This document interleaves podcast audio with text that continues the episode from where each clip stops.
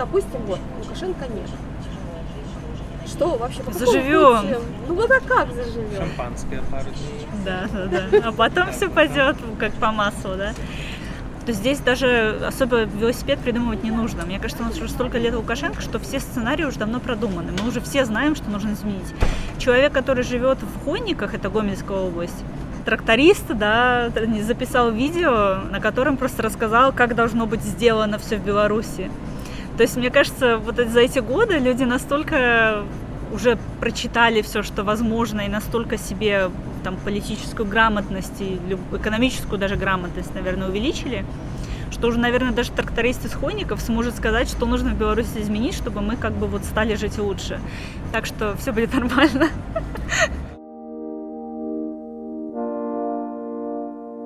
Непринужденная беседа в Минске с молодой белорусской журналисткой Ханной Любаковой во дворике галереи современного искусства у Короткая, с учредителями и кураторами которой вы могли познакомиться в предыдущем нашем эпизоде «Мы тоже живем в 21 веке».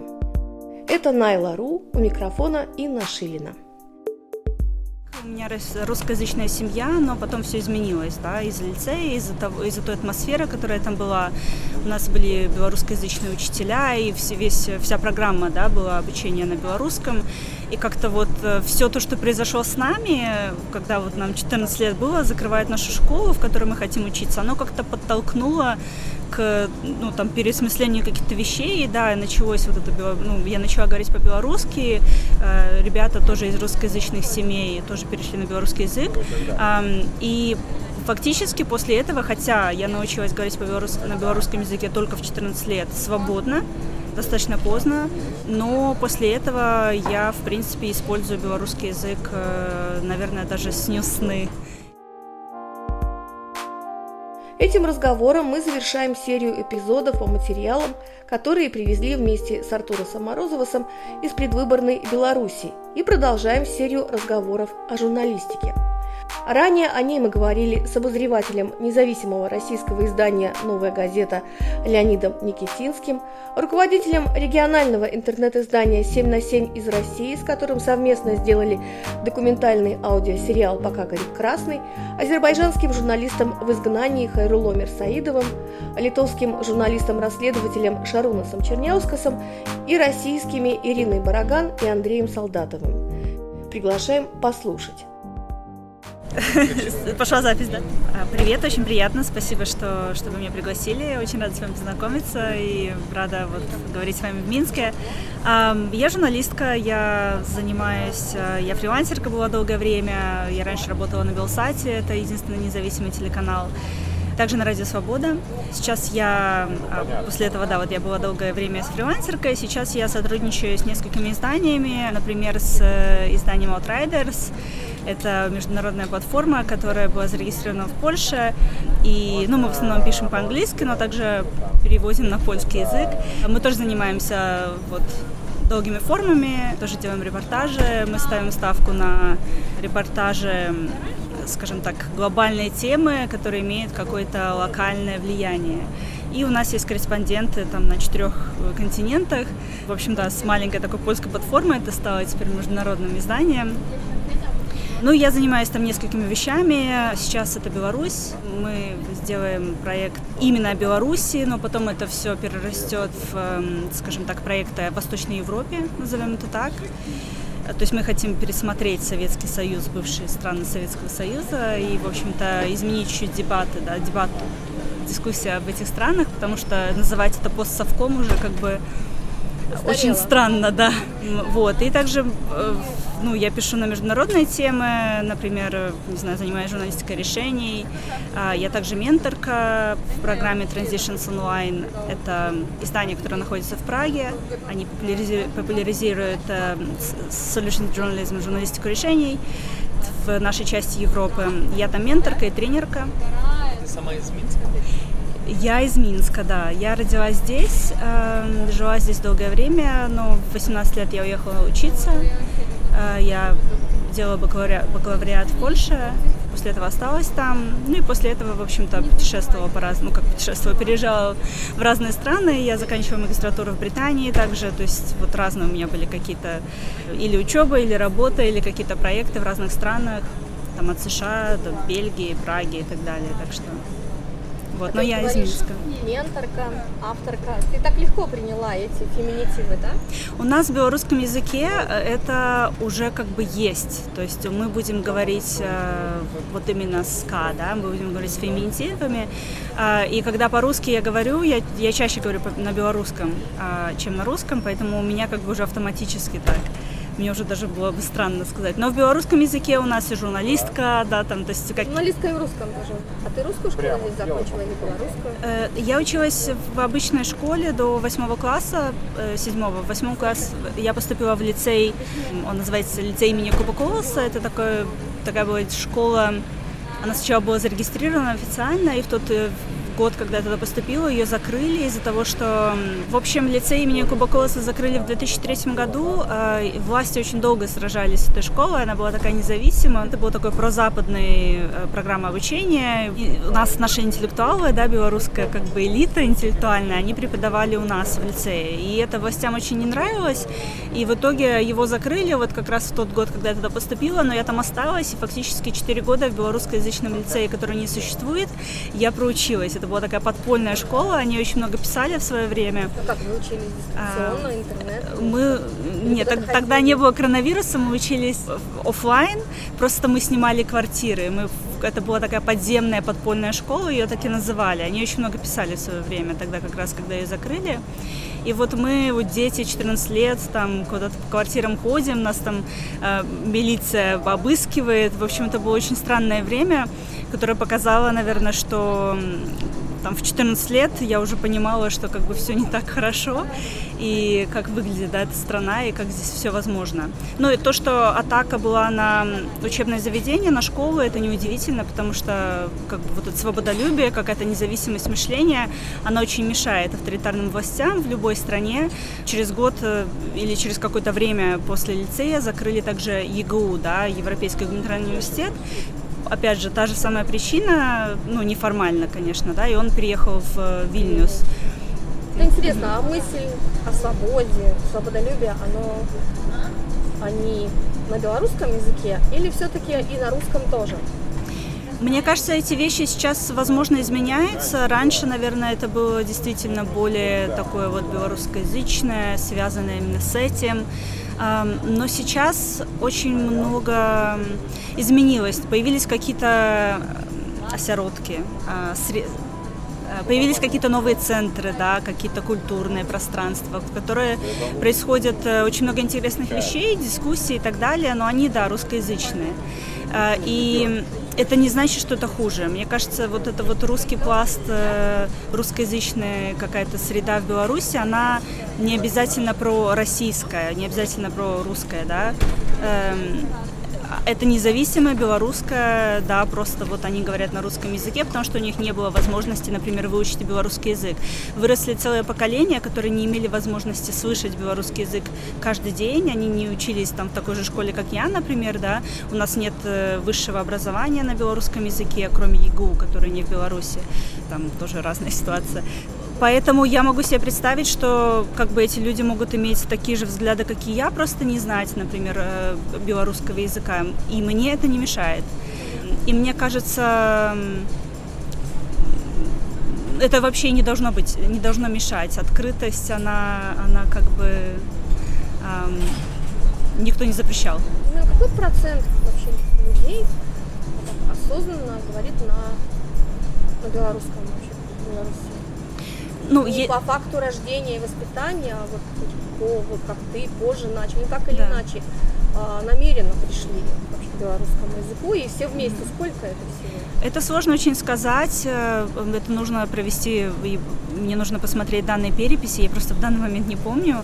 А, они, на самом деле, процент людей, которые говорят, что белорусский язык их родной язык во время там официальной переписи, которая у нас была совсем недавно, он не такой маленький. Просто не факт, что, возможно, эти люди говорят, эм, вот они просто уважают белорусский язык, они хотят так сказать, но не факт, что они говорят на нем, да. В моем пузыре вот этом, да, бабл, очень, как бы, в принципе, все говорят на белорусском языке. Не очень найти русско... сложно найти русскоязычного ну, друга моего, Второй да. день гуляем по улице, мы еще ни разу не слышали белорусскую речь. А, но здесь, да, другая ситуация. Если так вот ходить, то можно и не услышать. Это правда. Просто, опять же, я говорю о своем пузыре. Но есть вот этот вот, есть желание людей вернуться, да, к белорусскому языку, и я очень часто слышу вот эти позитивные там какие-то фидбэки, что вау, как вы говорите на белорусском, так приятно, что вы вот возрождаете культуру, вы помните и так далее.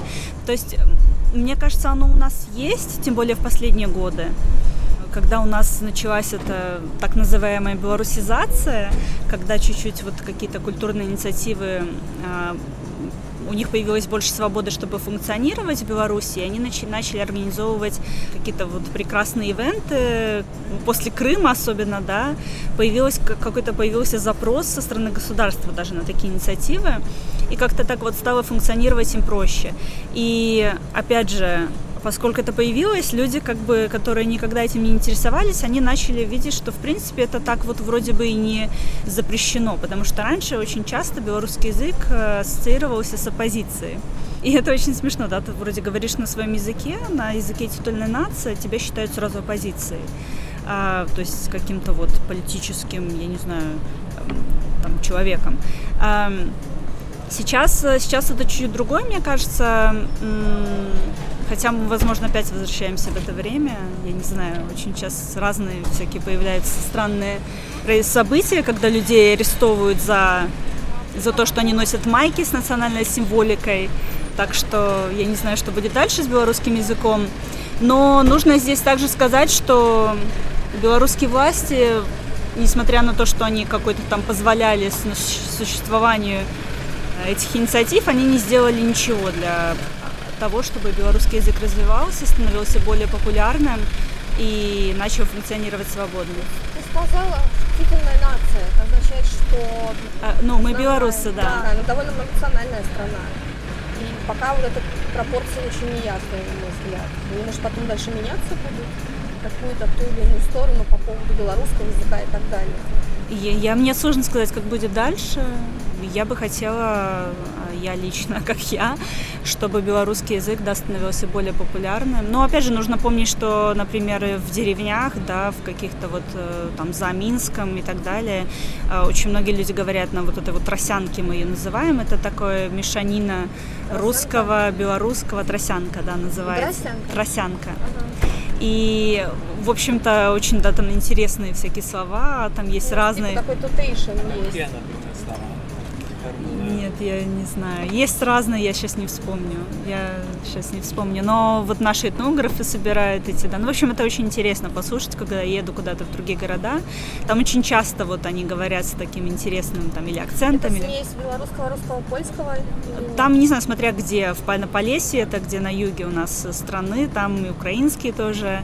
Наверное, на западе э, Беларуси будет чуть-чуть там польского. Ну, в общем, разные всякие, да, мешанины, но в основном это белорусские и русские. То есть это такая какая-то упрощенная версия белорусского языка, и на ней говорят очень многие люди, в, особенно за Минском. А в Минске, опять же, другая тенденция. Здесь у нас говорят э, очень часто интеллигенция, да, так называемая. Элита. Э, элита, да. Угу. Она говорит на белорусском языке, потому что это считается, как бы, наверное, престижно в каком-то смысле. Допустим, представим, что Лукашенко все-таки удастся не знаю, как-то его подвинуть, uh-huh. сдвинуть.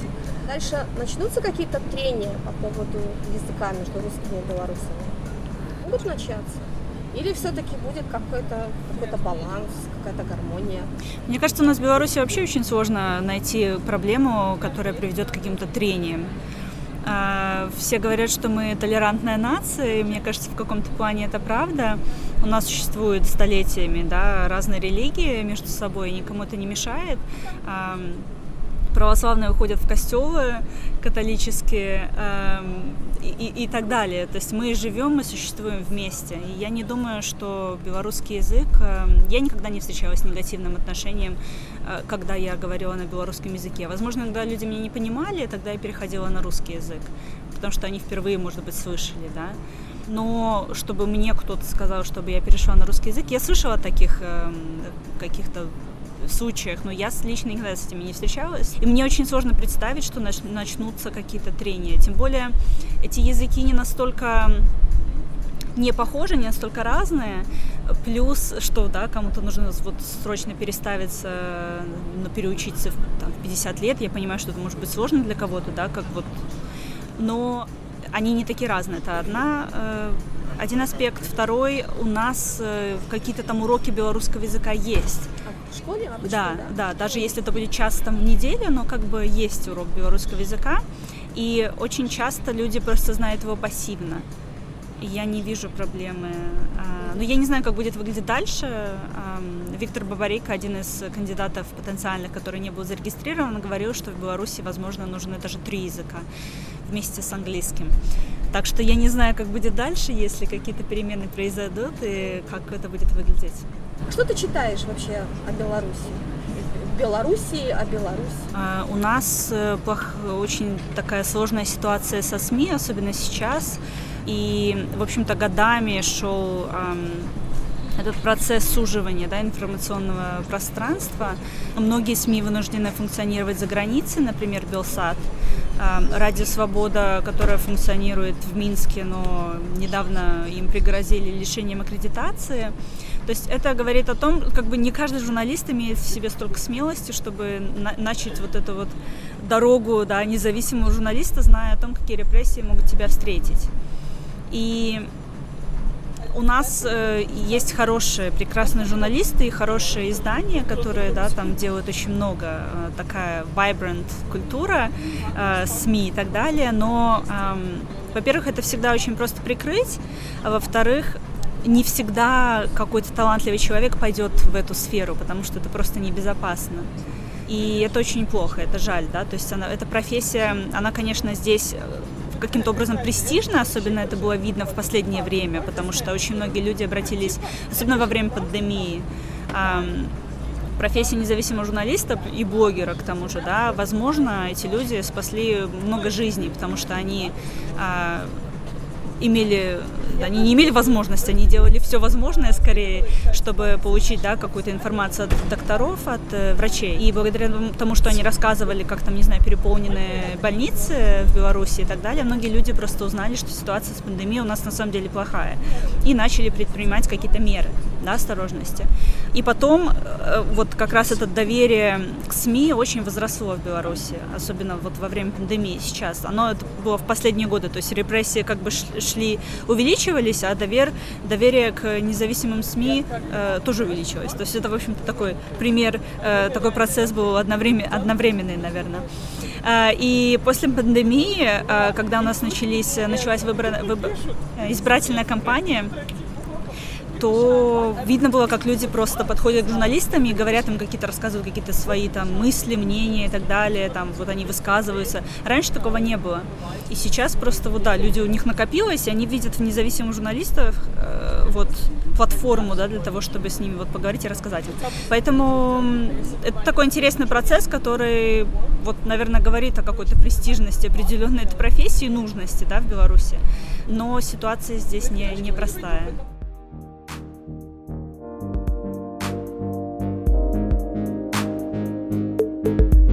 Это были Найла Ру. До следующих встреч.